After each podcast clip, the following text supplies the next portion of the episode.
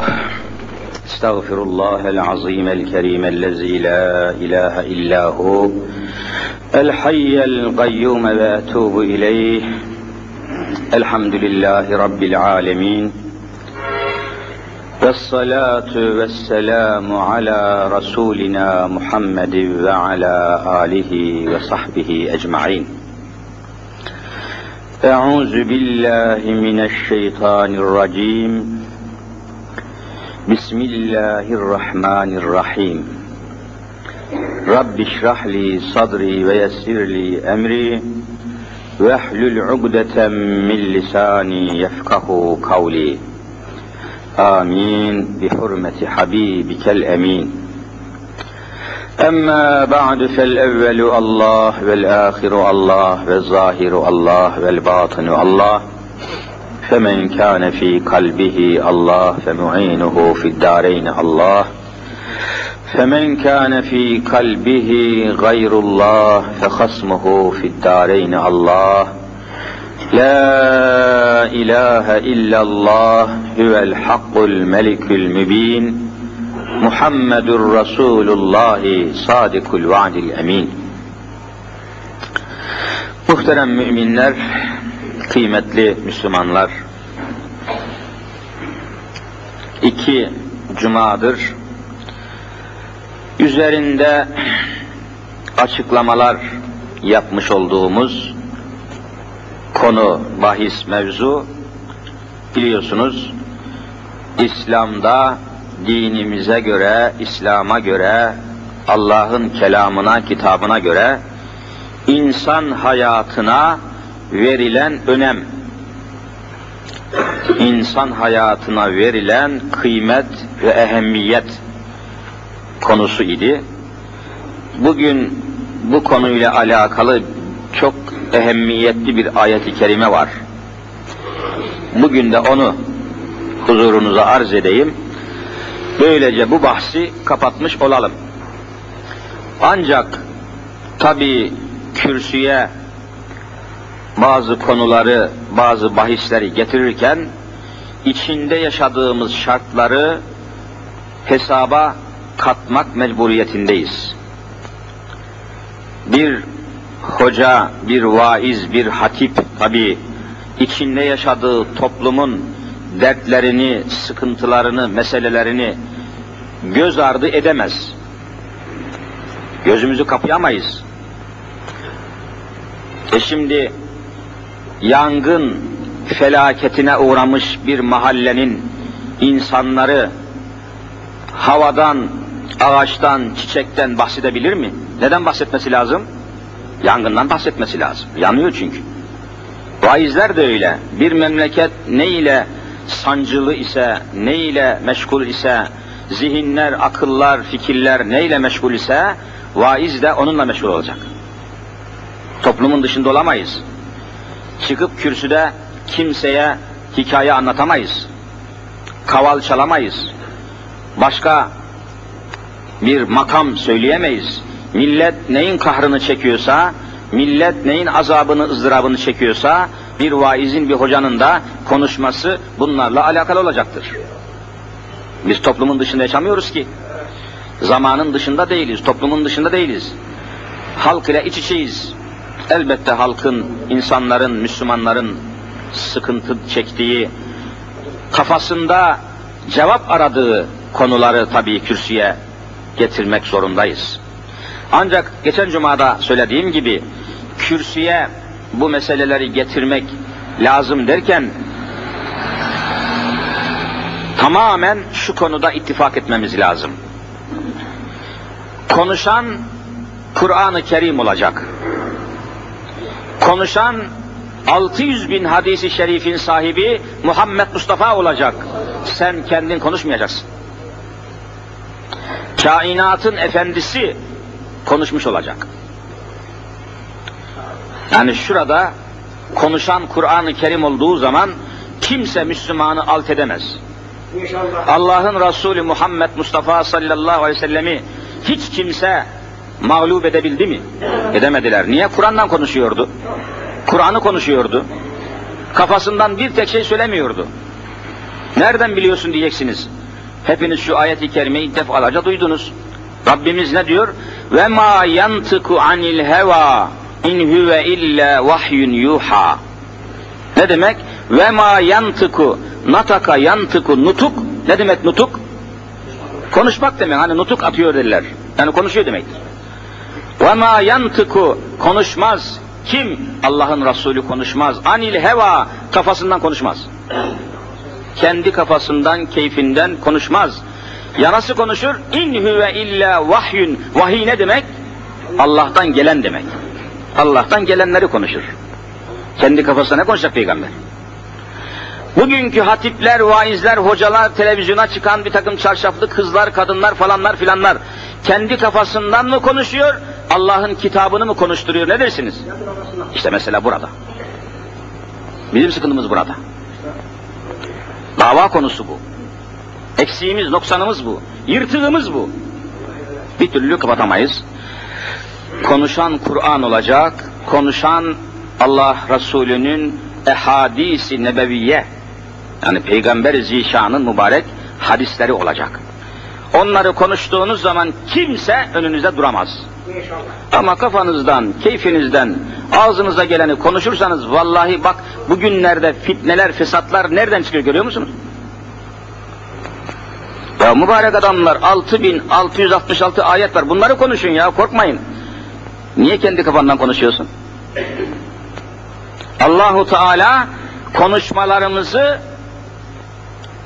bir ölçüye göre yapalım diye Kur'an-ı Kerim'i gönderdi. Kur'an-ı Kerim konuşmalarımızın, davranışlarımızın, hayatımızın hakemi, hakem olması lazım mı değil mi? Kur'an hakem olması lazım. Kur'an'ı hakem kabul etmemiz lazım. Sünneti hakem kabul etmemiz lazım. Hakem ne demek? Meseleleri belli bir adalete, sulha, barışa bağlayan kimse demek, hakem. Bu Kur'an-ı Kerim'dir. Herkes kafasından konuşmasın diye Kur'an-ı Kerim gelmiş mi gelmemiş mi? Bak niye niye Kur'an ortaya çıkmıyor? Bakın açık oturumlara, bakın panellere, bakın konferanslara, bakın bir takım televizyondaki konuşmalara, bazı hocalara, hatiplere bakın. Hiçbir ayet ortaya çıkmıyor ya. Kendi topladığı devşirme bilgileri okuyor. Allah'ın kitabını okusana orada. Ayet mi yok? Her konuda ayet-i kerime var. O zaman ne oluyor? Tabi başınıza yaptığınız konuşma başınıza bela oluyor. Ağzınızdan çıkan kelime başınıza bela oluyor. Peşinize düşüyorlar. Canınıza okuyorlar. Mahkeme açıyorlar, dava açıyorlar, soruşturma. Efendim dünyanın belasını peşinize takıyorlar. Kolay bir şey değil. Ama Kur'an-ı Kerim hakem olduğu zaman korkma. Çünkü Kur'an'ın sahibi Allah'tır. Kur'an'ı konuşan insanın da sahibi kimdir? O da Allah'tır. Korkmayın, hiçbir şey olmaz. Ben bunu yaşadım. 48 mahkemede yargılanmışım her zaman söylüyorum. Cumhuriyet tarihinde hakkında en çok dava açılan kimselerden birisi haline geldik ister istemez. 48 mahkeme ya. Ama konuştuklarımız ayeti kerimeydi. Niye böyle konuştun dediği zaman efendim ayeti kerime ben konuşmuş değilim Allah konuşuyor dedim. Ne diyecek bana? Hadise budur. Onun için İslam konularımızı, mevzularımızı kürsüye getirelim ama konuşan Allah'ın kelamı olsun. Meseleyi Kur'an'ın ışığında inceleyelim. Şimdi ameliyat yapan doktorlar biliyorsunuz hastayı masaya yatırıyorlar da masanın üstünde böyle bir sürü lambaları olan bir ışık sistemi başlarında o ışık yanıyor mu yanmıyor mu? O ışık, o ışığın altında yapıyorlar ameliyatı. O ışık bir an sönsün hepsi katil olur. Bizim de meselelerimizi incelerken ışığımız ne olması lazım? Kur'an olması lazım. Yoksa kör ederiz. Batırırız meseleyi. İnsan hayatı ile alakalı da en ciddi, en önemli, en hatasız açıklamayı Kur'an-ı Kerim yapar. Çünkü insanı yaratan Allah Kur'an'ı gönderen Allah Celle Celaluhu. İnsanın da sahibi Allah oluyor, Kur'an'ın da sahibi Allah oluyor. Burada bir çelişki olabilir mi olamaz mı? Olamaz. Çelişki olur mu ya? O da Allah'ın, o da Allah'ın.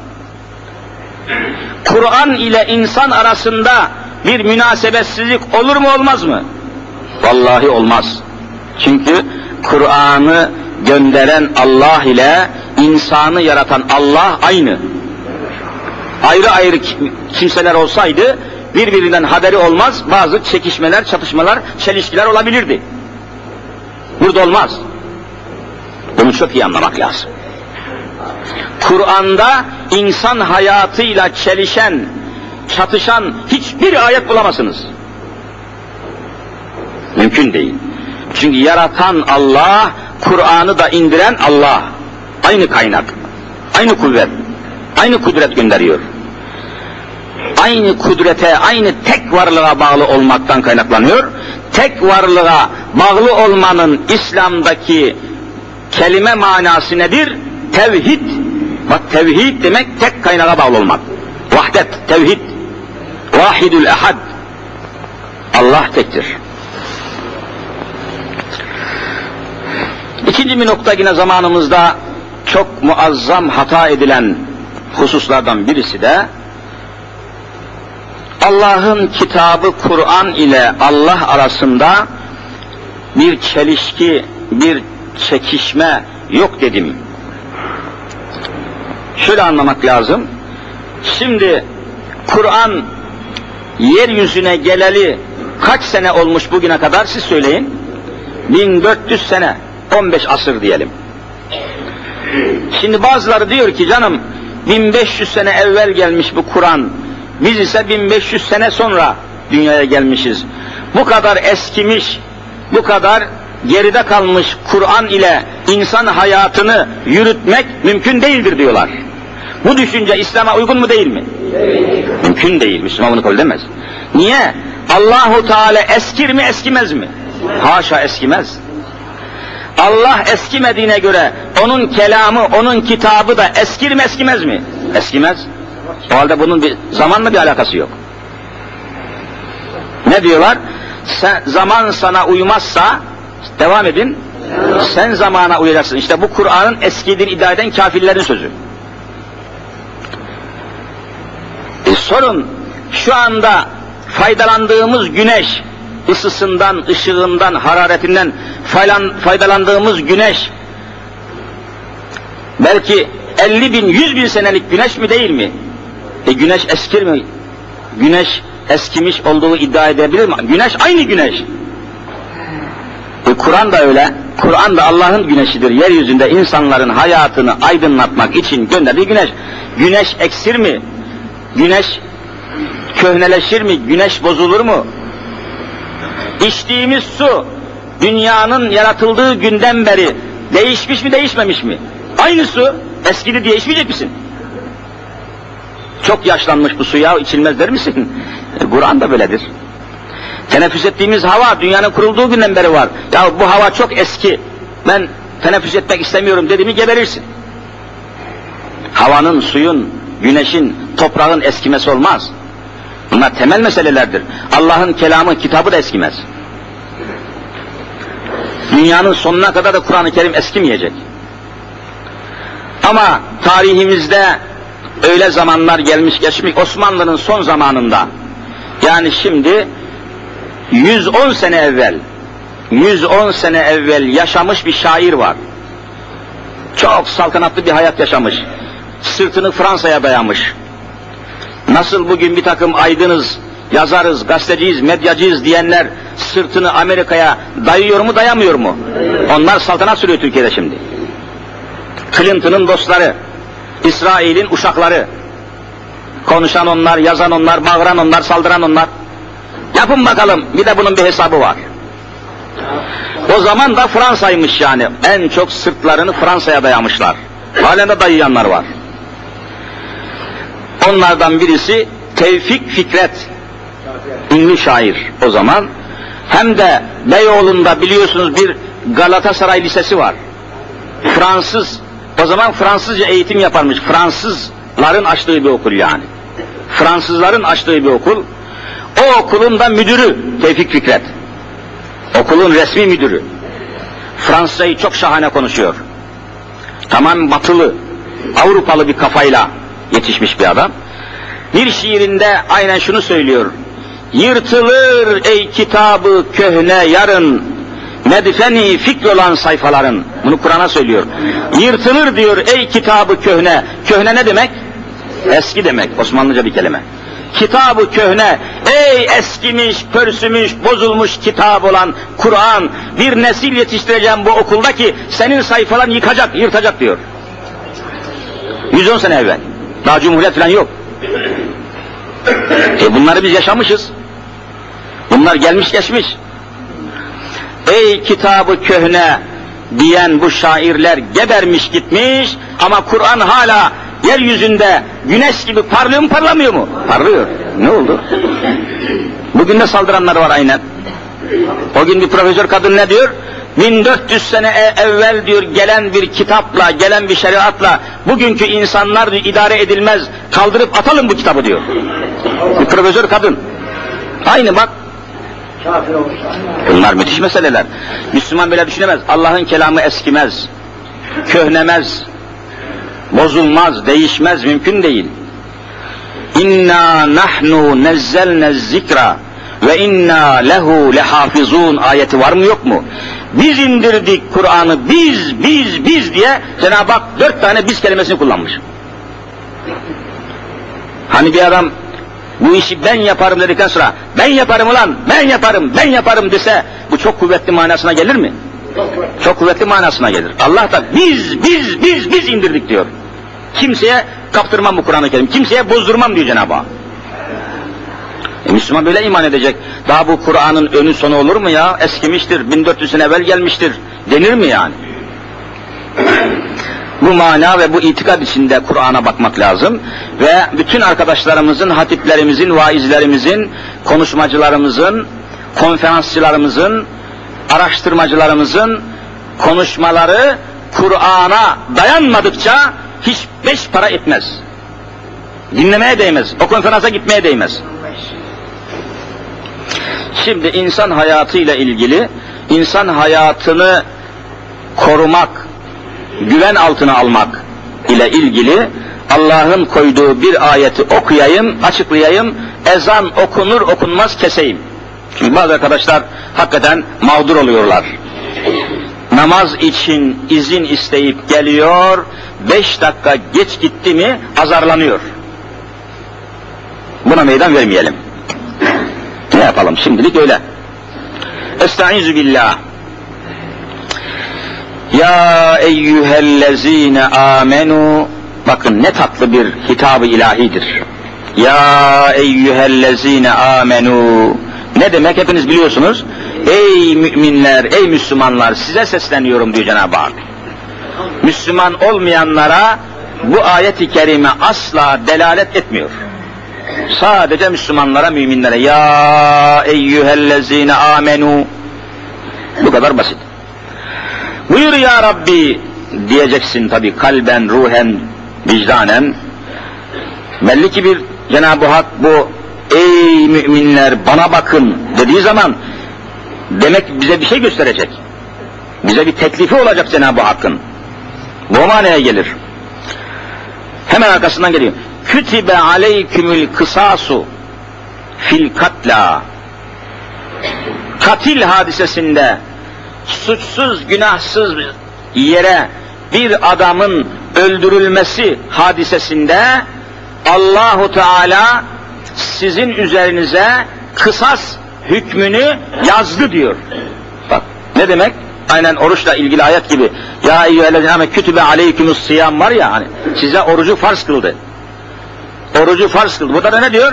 Ya eyyühellezine ameni kütübe aleykümül kısasu. Orucu nasıl Allah size farz kıldıysa cinayetler insan öldürmez, öldürmek olayında, insan öldürmek eyleminde de sizin tatbik etmenizi emrettiği bir hüküm koydu. Bu hükmün adına ne deniyor? Kısas. Ayet okuyorum. Kısas demek öldürdüğü kişiye misilleme olarak katili ne yapmak? Öldürmek, cezalandırmak.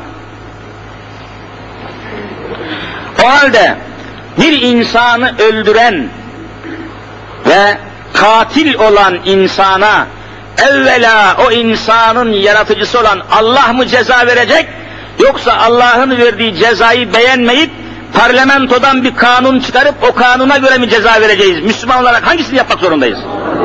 Allah'ın koyduğu hükmü uygulamak zorundayız. Bakın, niye kütibe aleyküm size farz kıldım, böyle yapmanız lazım diyor Cenab-ı Hak. E bugün o halde Türkiye'deki Müslümanlar bu konuda Allah'ın koyduğu hükmü mü, başka, bir başka kaynaktan aldıkları bir kanun maddesini mi, hangisini uyguluyorlar?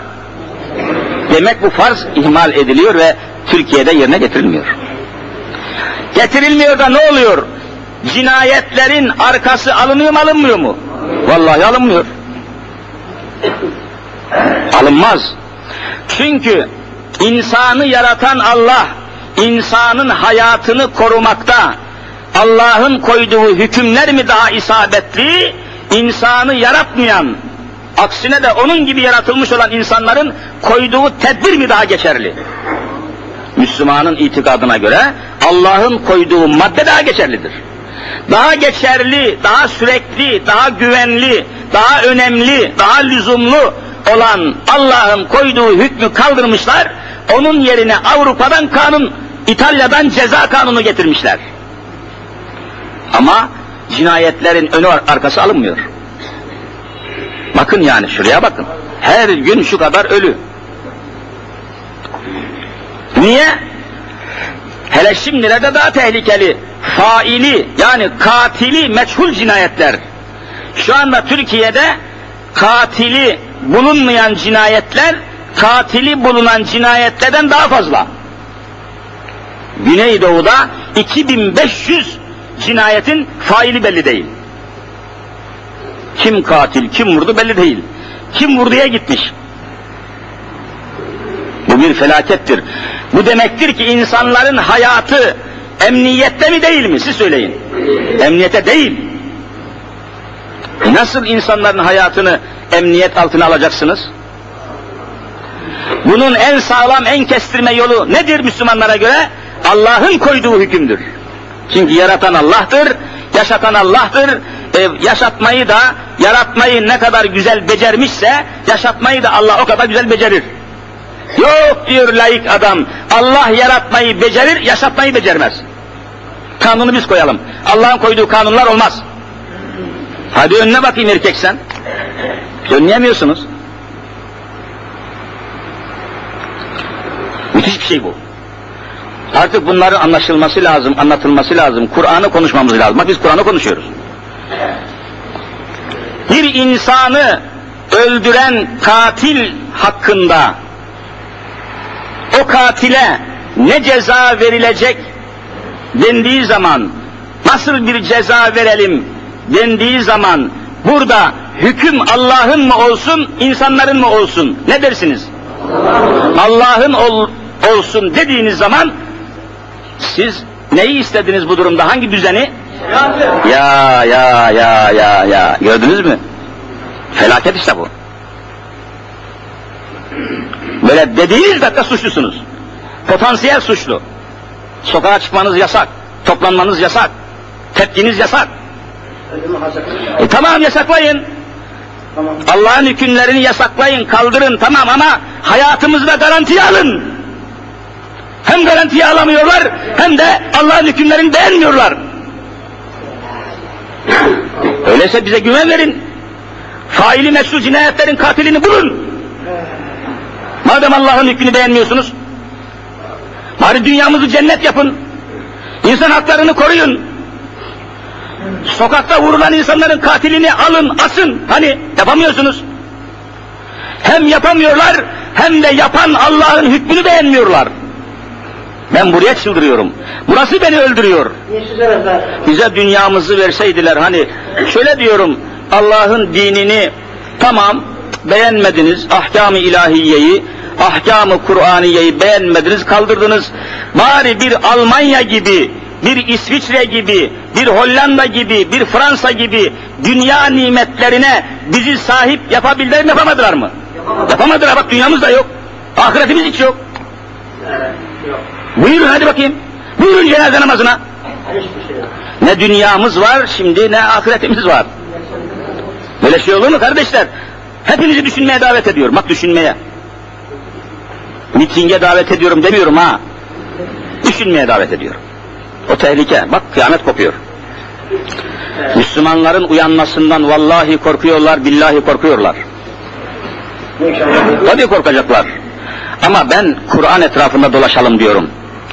Kur'an'dan başka bir şey söylemeyelim, Kur'an'dan başka bir şey savunmayalım diyorum. Çünkü Kur'an'ın önünü kimse alamaz, kimse aşamaz. Allah'ın kitabıdır. Korkumuz Kur'an'ın dışına çıkmaktan korkuyoruz.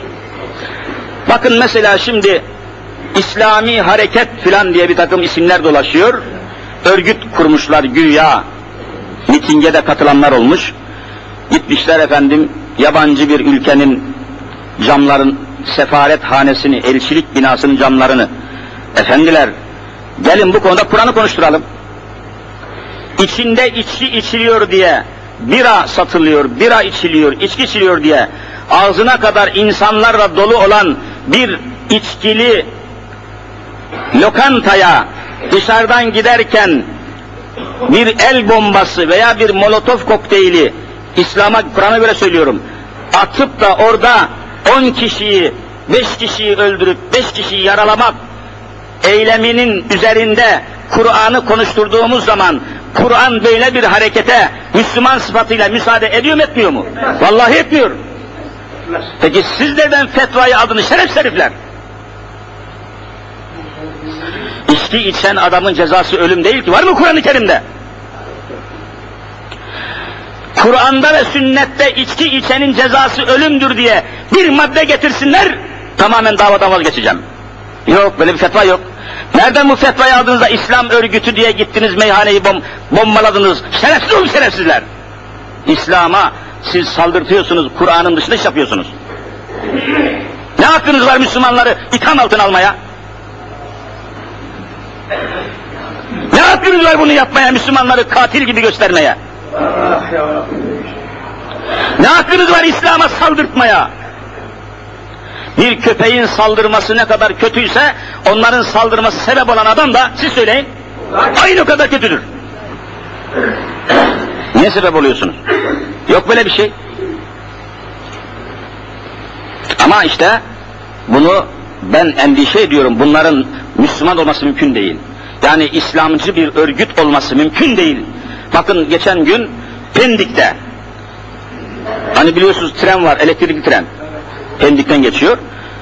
Sarıklı, cübbeli, şalvarlı İslam mücahidi, Afgan mücahidi giyiminde, görünümünde, vizyonunda birisi imdat frenini, o trenin imdat freni çekiyor. Tabi tren hemen duruyor. Çıkıyor ondan sonra bütün çıplaklar dışarı diyor. Kimse açık saçık bu arabada trende gidemez. Bir yakalıyorlar namussuz ajan oğlu ajan, gavur oğlu gavur. Yok böyle şey. Açık saçıktır diye onu hayattan men edemezsiniz. Allah böyle bir hüküm koymamış. Varsa getirin ya ben 30 senedir tefsir okuyorum. alıyor bu namussuzlar. Bu insanların hayatına kıyanlar. Nereden fetva alıyorsunuz ya?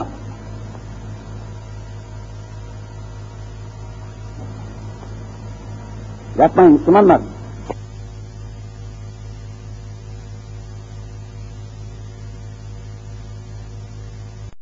Bir gürültüye. Her zaman söylüyorum, şu gemi batarsa hepimiz beraber batarız. Batarız. Gemi batarsa kaptan da batar, tayfa da batar. Zengin de fakir de beraber batar. Yapmayalım. Dikkatli olalım. Bu günler çok tehlikeli günlerdir. Çok hesaplı olalım, hesaplı konuşalım. Demeçleri, beyanları, konuşmaları çok dikkatli yapalım. Çok dikkatli olalım. Nasıl ki benzin istasyonuna giderken ağzınızdaki cigarayı söndürür müsünüz, söndürmez misiniz? Çünkü benzin istasyonunda sigara içmek yasaktır. Ne? Niçin yasak siz söyleyin? Yangın tehlikesi var. O halde bugün de aynen Türkiye benzin istasyonuna dönmüştür. Ağzınızdan çıkan kelimeleri ölçülü çıkarın. Yangın çıkar. Herkes ulu orta konuşmasın. Parti başkanları, şunlar, bunlar, belediye başkanları rastgele konuşmayın, konuşmasınlar, tembih edin. Yangın çıkar. Türkiye benzin istasyonu olmuştur. Cigarayla yaklaşmayacaksınız. Müthiş şeyler bunlar ya. Görüyorsunuz toptan mahvederler adamı. İşte Bosna iki senedir 200 bin insan katledilmiş. 2 milyon insan da göç almış. Dünyanın bir çare bulduğu var mı yok mu? Yok işte görüyorsunuz. Yarın İstanbul'da böyle şey başlasa kim çare bulacak? Hiç kimse vallahi yardımımıza gelmez. Bak yemin, yeminle söylüyorum yani. Ne Suudi Arabistan yardımınıza gelir ne Pakistan. Zaten Pakistan'ın derdi senden büyük. Afganistan'ınki senden büyük. Filistin'inki senden büyük.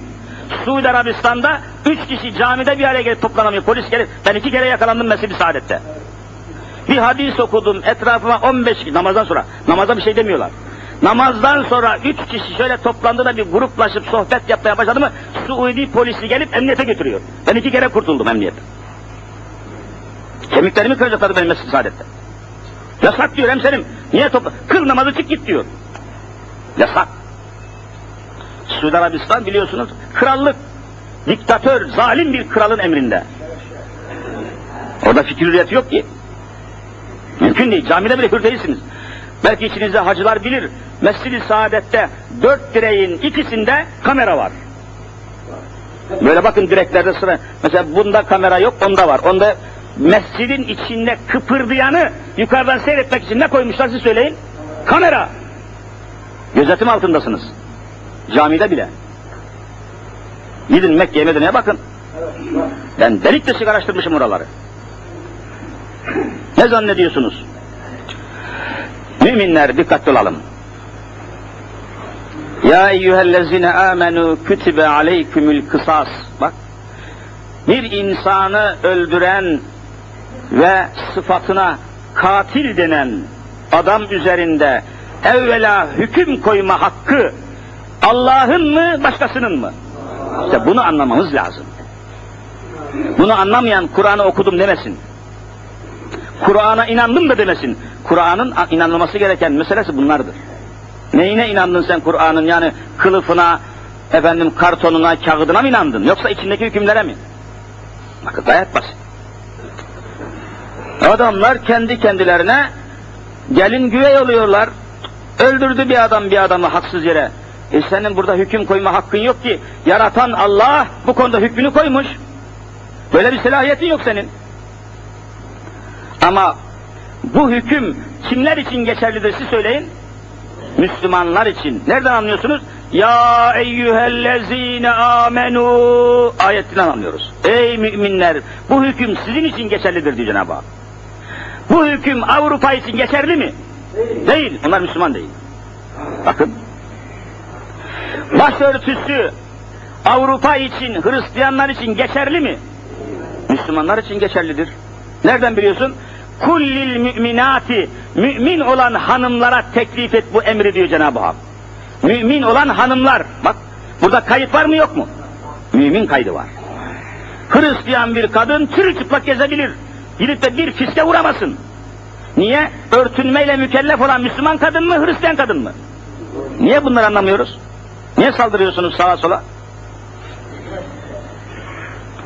Meseleyi Kur'an'a göre anlamak konusunu ben gündeme getiriyorum. Kur'an'ı anlamadan kıpırdayamazsınız. Her şeyiniz hata olur. Ve faturayı İslam'a keserler. Bak bir hata yaparsınız, o hatanın bütün cezasını Müslümanların tamamı çeker. Bir serserinin, serhoşun birisi bir ormana bir kibrit çakıp atsa, o yalnız oradaki ağaçları mı, ormanın tamamını mı? Hepsini yakar. Belalar umumi gelir. Azaplar umumi gelir. Görüyor musunuz? Bu kibrit çakmamak lazım. Bu, bu fırsatı vermemek lazım. Yüz kere düşünüp bir kere iş yapmak lazım. Ben bunların tecrübesini gördüm. Mahkemelerde Allah'ı şahit tutuyorum. Anamdan emdiğim süt burnumdan geldi ya. Adam bir kelimeyle beni dört sene süründürdü. Bir kelimeyle. Konuşmak kolay bir şey değildir. Ya eyyühellezine amenu kütibe aleykümül kısasu fil katla cinayet hadiselerinde katillere ne ceza verileceği hususunda Allah'ın koyduğu kısas hükmü sizin üzerinize farz kılındı. Bu kadar basit. Yani senin bu konuda hüküm koymaya, kanun çıkarmaya, karar koymaya yetkin yok. Allah bu yetkiyi sana almış. Eğer Allah böyle bir kanun koyma, koymasaydı o zaman düşünürdün ya Rabbi sen böyle bir şey koymamışsın ben de bunu koydum ne yapayım derdin. Şimdi diyemezsin. E ne var bu kısasta? Okuyup tamamlıyorum. Vakit yaklaştı. Bakınız. Veleküm ayet devam ediyor. 179. ayet. Bu okuduğum 178'di. Bakara suresi. Sure dedim de aklıma geldi. Şu cehalete bakın müminler. O Taksim mitinginde bir bez o açılan bezlere ne diyorlar? Pankart. Yani herkesin okuyabildiği bir bez. O beze Şura suresinin 39 nolu ayetini birisi yazmış. Orada ne diyor? Zulme uğrayan Müslümanlar o zulme beraberce karşı koyarlar. Ayet. Bu ayet nerede Kur'an'da? Şura suresinin 39. ayetinde. Yazmış o ayetin Türkçe mealini, altına Şura 39 yazmış. Cumhuriyet gazetesinde Cahiloğlu cahil bir yazar diyor ki, bakın bakın diyor, Şura örgütünde aldıkları 39. kararı yazmışlar diyor. Örgüt diyor. Hayvanoğlu hayvanlar. Söyle bak. Adamlar ne Kur'an biliyor, ne ayet, ne hadis, ne sure. Şura'da aldıkları 39 numaralı kararı diyor Taksim'e getirdiler. ayet mayet bilmiyor adam. Ne müthiş, ne müthiş, ne cehalet görüyor musunuz? Cumhuriyet Gazetesi, baştan sona İslam düşmanı. Bilhassa o çok kofur. Ondan beteri yoktur yani. Herkes kafir ama Ebu Cehil başka. Ebu Cehil başka. Basın ve yayın, yayının Ebu Cehil'i Türkiye'de dediğim dediğim gazetedir yani. Bu okuduğum ayet Bakare suresi. Bakare suresi Kur'an'ın kaçıncı suresidir? Ses gelmiyor. İkinci sure-i Fatiha'dan sonra gelir. Kaç ayettir? Var mı bilen içinizde? Bak kimse bilmedi. 286 ayettir. En uzun suredir Kur'an'da. Bakara suresinden daha uzun sure var mı? Yoktur bak. Müthiş bir şey bu. İşte bu okuduğum ayet 178 numaralı ayetti. Kısas ile. Şimdi 179 numaralı ayeti okuyor, izah ediyor, kesiyorum. Ve leküm fil kısasi hayatün ya ülil elbab. Şu ayete bak ya Rabbi ne muhteşem. Ne muhteşem. Lealleküm tettekun. Başlı başına bir tablo olacak ayet. Ve leküm Arapça leküm ne demek? Sizin için demek leküm. Burada siz dediği kimi kastediyor Rabbimiz? Müminleri kastediyor, Müslümanları kastediyor. Tabi. Çünkü yukarıda ya eyyühellezine amenu dedi. Belli zaten. Ve leküm sizin için mutlaka var. Bir şey var. Nerede var ya Rabbi? Fil kısası. Allah'ın koyduğu kısas hükmünde sizin için mutlaka var. Acaba ne var? Ayet onu hemen söylüyor. Ne var? Hayatün kısas hükmünde sizin için ne var diyor Cenab-ı Hak? Hayat vardır. Allah Allah burada zihin çelişiyor. Hani zihne bir çelişme geliyor gibi. Ama açıklayacağım şimdi bakın.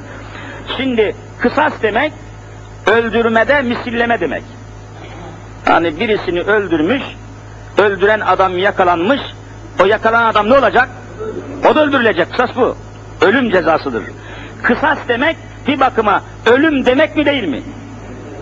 Ölüm demektir. Kısas ölüm demektir. Bak şimdi. Şimdi ne diyor Cenab-ı Hak? Veleküm fil kısası hayatün. Ölüm cezasında sizin için hayat vardır diyor. Hiç ölümde hayat olur mu? Zaten öldürüyorsun. Ne de hayat burada? Yani zıt birbirine zıt gibi görünüyor mu görünmüyor mu? Dikkatli dinleyin. Bu Kur'an'ın müthiş bir şeyidir bu. Beyan tarzıdır. Mucize beyanıdır bu. Adeta diyor ki ölüm ölüm cezasında sizin için hayat vardır. Ya ölüm cezası adamın hayatını söndürüyor. Daha burada hayat nerede? Burada bir çelişki gibi bir anlama zihninize geliyor mu gelmiyor mu? Hah şimdi çözüm geliyor. Bakın şimdi. Hayat var diyor bu kısas. Yani ölüm cezasında, kısas hükmünde sizin için hayat var. Yani bu kısas cezasını, ölüm cezasını uygularsanız hayatınız ne olur diyor? Korunmuş olur diyor. Hayat var demek yani toplumun hayatı korunur. Ülkenin, insanların, toplumun, cemiyetin hayatı korunur, kurtulur diyor. Ya ölüm cezası öldürmek içindir. Hayatta kalmak için değil ki hani akla gelen şeyi söylüyorum. Peki bunun manası ne? Arz ediyorum. Efendiler, şimdi bir kimseyi öldürmeye karar veren, hani katil olmadan evvel bu öldürme olayını yapmadan evvel bir adam önce zihinde ne yapıyor bunu? Tasarlıyor. Bakın bu tasarlama kelimesi var. Arapçası tasavvur. Tasavvur. Yani zihninde canlandırmak, tasavvur. Biliyorsun iki kelime var. Bir tasavvur, bir de tasarruf. Tasarruf ne demek? İşlemek demek, tasarruf. Tasavvur ne demek? Zihni işletmek demek. Zihnin işlemesine tasavvur, elinden ayaktan yapılan işlemeye ne deniyor? Tasarruf. Bir cinayet işlenmeden önce o cinayeti işlemeye, işlemeye niyet eden adam önce zihninde bunu tasavvur ediyor mu etmiyor mu? Ses gelmiyor. Zihninde evvela bunu düşünüyor. Buna tasarlamak denir. Türkçesi. Bunu düşündüğü zaman o ülkede, o mahallede, o beldede, o devlette, o düzende bu kişiyi öldürdüğü zaman cezasının da kendisinin öldürülmek olduğunu anlarsa eğitim yoluyla, tatbikat yoluyla bir katil öldürdüğü kişiye bedel öleceğini önceden bilirse, anlarsa, eğitimle bunun tatbikatını görürse ben bu adamı öldüreceğim ama beni de öldürecekler der mi demez mi? Bunu dediği zaman işte o öldürmek istediği adamı vallahi öldüremez. Bakayım. Öldüremez. Tetiği çekemez. Silah kullanamaz. Çünkü kendi de ölecek. Niye öleceği bir iş yapsın bir adam? Tasavvur halindeyken yani niyetlenmiş, tasarlamış durumdayken kendisinin de kısas cezasıyla öldürüleceğini kesin olarak bilen bir kimse, affı bile bir yok bunun. Şimdi açıklayacağım, affı da yok bunun. Affı yok, af kanunu çıkartamazsınız ölüm cezasına çarptırılan katile. Kimse kurtaramaz. Allah bile aradan çekiliyor. Hadise budur. Safların sıklaşmasını rica ediyorlar arkadaşlarımız. Tabi buradan da ben de görüyorum boşluklar var. Yine şöyle bir ayağa bir kalkalım birkaç saniye. Bak fazla zamanımızı almasın. İyice boşlukta doldurup oturalım. Zamanımız azaldı. Mevzu bitmiyor ki. Evet, mendil var mı? Unutmuş mu? Mendil almamışım. Tamam Allah razı olsun. Boşluk kalmadı inşallah. Mendil babam böyle bir şey olmaz ya.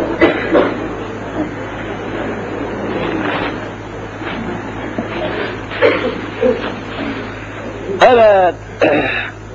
Kendisinin de mutlaka öldürüleceğini, kısas diye bir cezaya çarptırılacağını kesin olarak bunun devlette işte parlamentodan bir kanun çıkıp da idam cezalı olanları affetme yetkisi de olmadığını bilirse, bu cezanın mutlaka kendisine verileceğini, kaçamayacağını bilirse, bu adam göz göre göre gidip o adamı vurabilir mi vuramaz mı? El cevap vuramaz. Vuramayınca cinayet işlenmemiş olur. Cinayet işlenmeyince burada kaç kişinin hayatı korunmuş olur siz söyleyin. İki kişinin hayatı korunmuş olur. Bir öldüreceği adamın hayatı kurtuldu. Bir de öldürdüğü zaman kendisi de ölecekti. Onun da hayatı kurtuldu. Bakın kısas hükmüyle bir anda cinayeti tasavvur eden, tasarlayan adam birdenbire kısas hükmünü hatırlayınca öldürmeye olan iştahı ne yapılacak? Kesilecek. Cinayetten vazgeçecek. Vazgeçince iki kişinin otomatik hayatı kurtulacak. Bir öldürmek istediği adamın hayatı kurtulacak, bir de kendi hayatı kurtulacak. İşte bundan dolayı diyor Cenab-ı Hak kısas hükmünde sizin için hayat vardır diyor. Şimdi hayat ortaya çıktı mı çıkmadı mı? Ayet anlaşıldı. Hocam bir şey sorabilir Tabii. Adınıza sığınmış. Estağfurullah. Ee, öldürmek isteyen şahıs davasının haklıysa ne oluyor bunlar? Bu haksız cinayet, onu söylüyoruz tabi. Bu kasten, sebepsiz, günahsız, suçsuz şekilde öldürmek olay. Ama İslam'da bunun tabi çok ayrıntıları var. Ölüm cezasını hak edenler var, etmeyenler var. Demin dedim de mesela içki içmek ölüm ölümü gerektiren bir ceza mıdır? Değildir. Bunun ayrıntılı. Geçeyim kısas hükmünü Şimdi bir kimse bir kimseyi öldürdü. Çok kısa nakledeceğim. Öldürdü. Adam öldü. Katil yakalandı. Ha bu katil. Şimdi burada o katil üzerinde ne yapılmasına, nasıl ceza verilmesine, nasıl neticelenmesine karar verme selahiyeti sadece ve sadece ölen adamın kimidir? Varisleridir. Babaysa oğludur, oğulsa babasıdır, kocaysa karısıdır, karıysa kocasıdır. Yani varis onun mirasını almaya hak kazanan kimlerse o katil üzerinde karar verme yetkisini Allah kime vermiş? Öldürülen adamın varislerine. Unutmayalım. Üç tane hak vermiş. Üç hak Cenab-ı Hak tanımış bu hak. Hemen arz ediyorum. Üç hak tanımış. Babası öldürülmüş adam haksız yere, günahsız yere öldürmüş. Katil de yakalanmış. Şimdi devlet bu katile kendi başına hiçbir ceza veremez.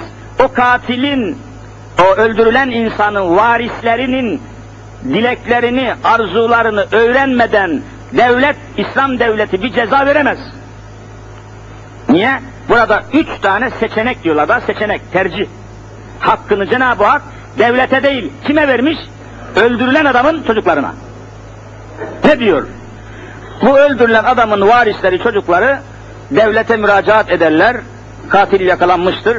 O katil üzerinde söz sahibi kimdir? Varislerdir. Cedinize rahmet. Üç, üç tane hakları ve talepleri vardır katil üzerinde. Bir, derler ki babamızı öldürdü, aynen babamızın öldürülmesi gibi bu adamın ölümünü isteriz. Derlerse İslam devleti derhal öldürür. Ama öl- ölümünü isteyen kim? Varisler. Bak Allah istemiyor. Varislere vermiş o yetkiyi. Bak burada bir incelik var. İslam öldürmüyor bu adamı. İslam o varislerinin o acıyı çeken, ızdırabı çeken ateş nereyi yakar? Düştüğü yeri yakar. O yanan, vicdanen inim inim inleyen adamların isteğini İslam yerine getiriyor. Farkında mısınız? İnsani bir şeydir bu.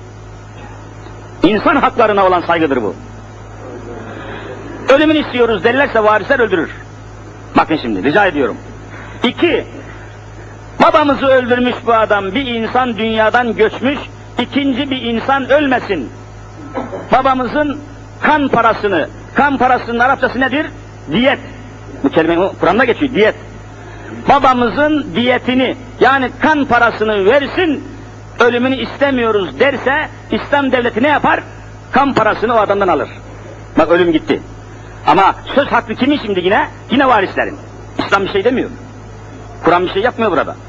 O insan, ölen insanın, insanların duygularına İslam tercüman oluyor mu olmuyor mu? İnsanların duyguna tercüman oluyor. O insanların duygularına, kararlarına İslam saygı gösteriyor. Tepeden bir şey söylemiyor. Aman dikkat edin. Çok ince bir şey bu. Kan parası isteriz. Bugünkü ölçülere göre kan parasının fıkıh kitabındaki bedeli 2000 koyun. Öldürdüğü insana karşı eğer idamını kısas edilip ölmesini istemiyorlarsa kan paramızı versin, babamızın kanının parasını versin demişlerse bunun karşılığı 2000 koyun. Aklınıza kalsın. 2000 koyun verecek. Bir koyun bugün 5 milyonsa 2000 çarpı 5 milyon ne yapar? 2 1 milyar mı? 10 milyar ce- para ödeyecek kan parası. Bakın demek ki eğer bu adamlar ben bu adamı öldürdüm, ölen adamın çocukları benim ölümümü istemez kanaati hasıl olduğu zaman dahi öldüremez. 10 milyar parayı ben nereden bulayım diye düşünecek mi düşünmeyecek mi? Yine öldüremez. Caydırıcı hükümleri görüyor musunuz? Ya bunlar ne müthiş şeylerdir bunlar Allah aşkına. Niye bunlar gündeme gelmiyor? Niye konuşmuyor bu konular? Tam bugünkü konular bu konular işte. Üçüncüsünü söylüyor kesiyorum ezan okundu. Üçüncüsü de yine varisleri o ölen adamın çocukları derler ki ey İslam devleti bir adam ölmüş gitmiş bir adam daha ölmesin. Bir adam ölmüş ama biz ölümünü istemiyoruz. Fakat 10 milyar gibi korkunç bir paranın altına da girmesin. Bu da başka bir ölümdür. Bunu da istemiyoruz. Biz bu adamı affediyoruz diyebilirler. Bakın. Üç tane yetkidir yani. Şimdi Allahu Teala'nın burada tercihi Allah bu kuluna bu varislere tanıdığı üç haktan hangisini daha çok beğeniyor diye sorsam ne dersiniz? Affetmeyi daha. Bak affetmeyi Cenab-ı Hak tercih ediyor. Affederseniz bu diyor takvaya, cennete daha yakın bir hadisedir.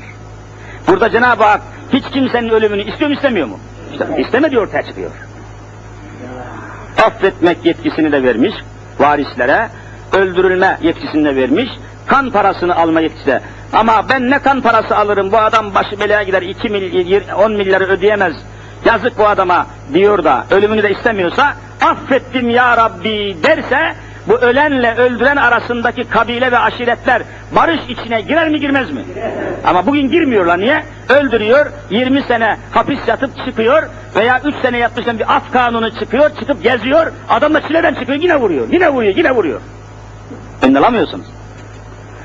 Allahu Teala cümlemizin hayatını ve hayatımızın düzenini, nizamını, kanununu Kur'an'a göre tanzim etmeye bizi muvaffak eylesin. آمين. والحمد لله رب العالمين. الفاتحة.